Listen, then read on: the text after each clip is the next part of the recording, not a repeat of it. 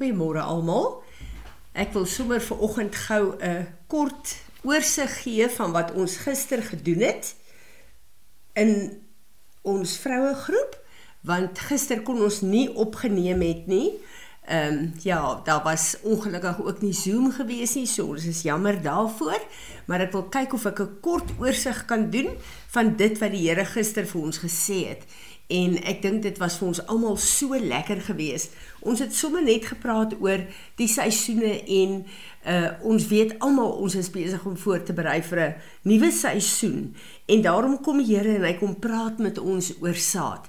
Daar is goed wat hy die afgelope tyd vir ons letterlik kom lewendig maak. Woord en skrif wat ons jare lank al ken en wat ons glo, maar is asof wat die Here dit wat ons in ons koppe het, ons kennis, nou kom ontsluit deur Heilige Gees sodat dit ons lewens in lyn kan bring met sy woord.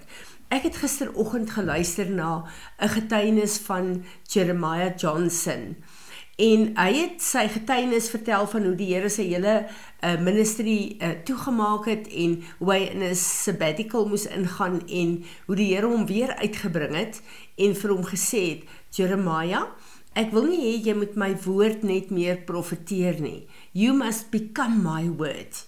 En ek besef dis presies wat hy in hierdie seisoen vir ons uh, kom highlight. Ons moet toelaat dat die woord van God deur ons begin lewe en hy het verlede week by die donderdag groep met ons gepraat oor ehm um, die deur in ons gedagtes, elke gedagte wat ons sinne, ons oë en ons ore vir ons gee wat negatief is, wat sleg is, ons moet dit gevangene neem en dan moet ons 'n besluit neem, gaan ek toelaat dat die vyand nou hierdie oop deur kry om my gedagtes terug in my optrede te beïnvloed of gaan ek God se woord op die plek bring en ek maak die deur oop vir Heilige Gees om in my die strome, die riviere van lewe te laat vloei wat die woord van God is sodat my optrede ook sal verander in elke situasie um, wat oor my lewe kom. Ons almal besef dat die grootste mag in ons lewe is dit wat ons toelaat van dit wat ons sien en wat ons hoor in ons lewe.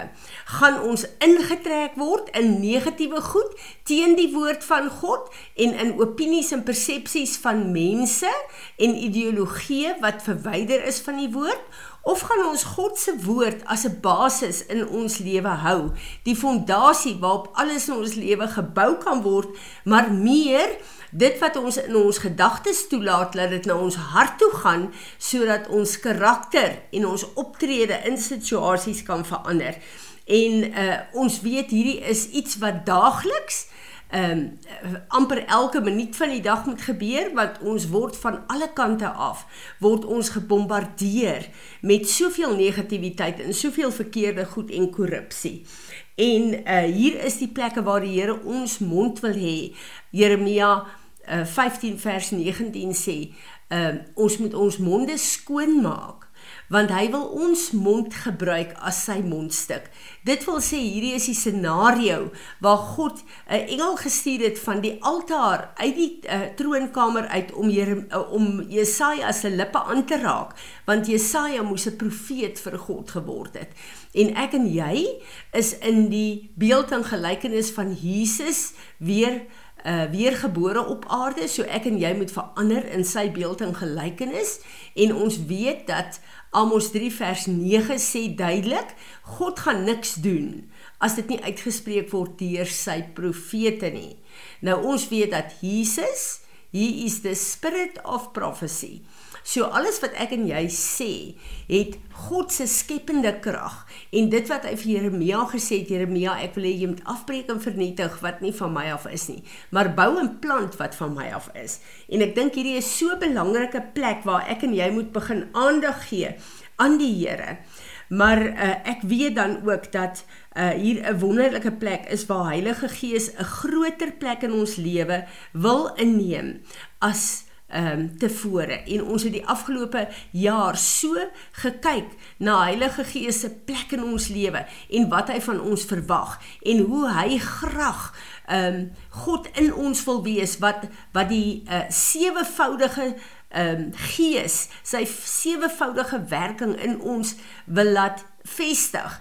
En ons het nou gesien dat hierdie sewevoudige werking the spirit of of ehm um, uh, uh, understanding the spirit of wisdom, the spirit of power and might, the spirit of the Lord, the fear of the Lord, uh, dat hierdie uh, riviere is uh, wat kom uit die rivier van lewe wat uit God se troon uit vloei. En daardie riviere is in my en jou, maar ons moet dit ontsluit deur dit wat ons doen, dit wat ons besluit en hoe ons ons beskikbaar stel vir die Here uh wanneer ons hierna kyk, dan kyk ons dadelik na ons plek waar ons soveel foute maak en waar ons onsself te leer eh, te leerstel en uh waar uh, ons dink ons stel God ook te leer en uh die plekke waar ons sommer net foute gemaak het en waar ons sonde doen uh daai onwillekeurige plek wat Paulus sê dit wat ek moet doen dit doen ek nie en dit wat ek nie moet doen nie dit doen ek. Wees my genadig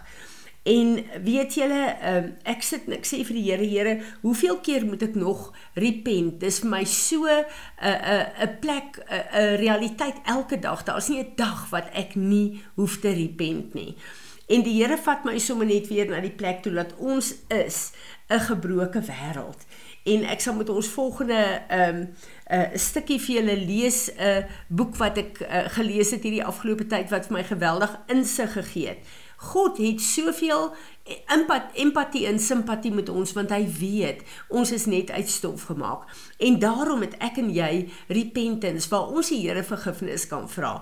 En die Here wys vir my hoe lyk repentance in die gees. Nou ons het soveel lerings oor oor vergifnis vra gehad en ons weet dit is 'n belydenis. Ons weet Jesus se bloed kom na vore en uh, maak ons skoon en dit is 'n omkeer van sonde en wegstap daarna daarvan. Maar die Here gee vir my die gedeelte van die pottebakker en die klei. En hy sê vir my: "Julle is die klei en ek is die pottebakker." Wat is die klei? Die klei is wat jy uit die aarde uitneem om iets te vorm.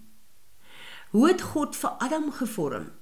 Uit die klei van die aarde. En wanneer ek en jy repent, dan kom ons en ons gee onsself terug vir die pottebakker. Nou wanneer sonde vir ons skade aandoen, dan kan ons gate inkry. Onthou die treasure van God is binne in ons.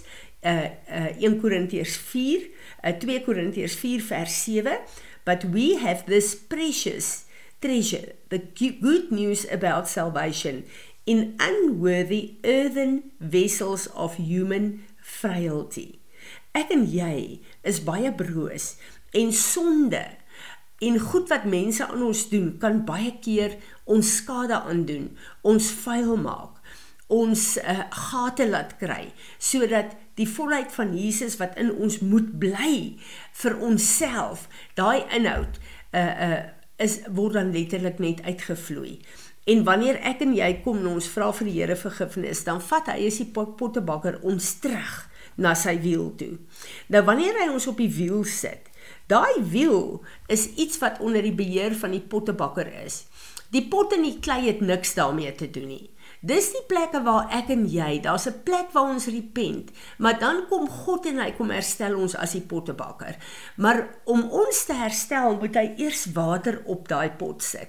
Hy moet daai pot weer soepel en sag maak soos klei om daai pot uh om al die stikkende plekkies ehm uh, uh, uh, word met die water klei gemaak so dit word weer hy verloor sy vorm en hy is in die hande van sy pottebakker soos oorspronklik en al die grassies en die klippies en die goed wat in daai ehm uh, uh, houer gekom het haal die pottebakker uit. Dis al daai sonde, al daai verkeerde goed, al die goed wat ons verhinder. Haal die pottebakker uit.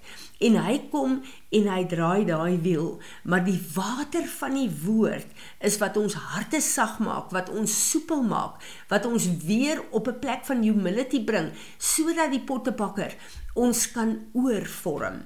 En dan kom die pottebakker en hy kom maak daai vaas heel perfek, pragtig 'n nuttige houer weer.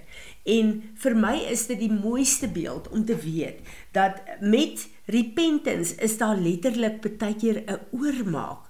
Die Engels het 'n mooi woord om te sê 'n resetting van sekere areas in my lewe. En wanneer ons uh dit repentance toelaat, dan is ons weer op 'n plek waar die saad van God, onthou met wedergeboorte hierdie onverganklike saad van Jesus Christus in ons gekom. Jesus Christus, die Heilige Gees, is sy gees. So daai saad uh is bevat letterlik die vrug van die Heilige Gees ook. En hierdie is die plek waar ons moet besef. Ons het soveel lering gehad al oor die vrug van die Heilige Gees, maar die vrugte groei nie oornag nie.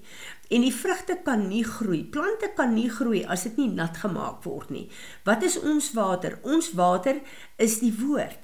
En hoe meer ek en jy toelaat dat die woord ons was, dat die woord ons water gee, dat die woord ons 'n uh, eh, uh, eh, nurture, daai plekke groei ek en jy. En dan kom die Heilige Gees se vrug tot vervulling. Wanneer ons as ek byvoorbeeld met geduld sukkel, uh wanneer ek in 'n ongeduldige situasie is, dan kom daai plek in my verstand, daai deur, gaan ek toegee hieraan en gaan ek 'n tantrum gooi en 'n woede uitbarsting kry? Of gaan ek kom en sê Heilige Gees, Ek weier hierdie ongeduld in my lewe. Ek wil dit nie hê nie. Ek wil nou vra dat die vrede van my God wat my verstand te bowe gaan, nou in hierdie plek van my besit neem. En onmiddellik maak ek die deur toe vir die vyand om die vrug van ongeduld ryp te maak in my lewe. En ek kies, ek draai om en ek nooi Heilige Gees om te kom en hierdie goed uit my uit te was en om God se vrede oor my te laat vloei. En so word daai vrug van geduld ryp in my lewe. En hoekom moet daai vrug in my lewe ryp wees? In die eerste plek vir myself sodat ek daarvan kan eet. Maar in die tweede plek vir almal wie om my is, my gesin, die mense om my, my gemeenskap. En dis letterlik soos 'n ripple effek. As jy 'n klippie in die water gooi, dan maak hy daai ringe om die water. Nou so is die vrug van God se gees. Jesus se karakter wat deur ons moet manifesteer. Dit is hoe dit die hele omgewing om ons beïnvloed. Heel eerste onsself en dan ons gesinne en die hele omgewing. So dit wat ek en jy, Heilige Gees toelaat om te groei en te vestig van Jesus in ons lewe. Dit bring nie net 'n oorwinning vir ons nie, maar ook vir die koninkryk van God en van die liggaam van God waar hy my geplaas het.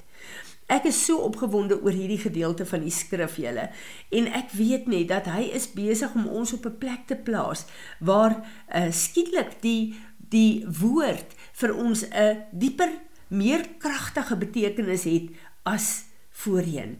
En ons moet onthou, ons het hierdie skrif deurgegaan, Proverbs 10 verse 11, the mouth of the righteous is a fountain of life and his words of wisdom are a source of blessing.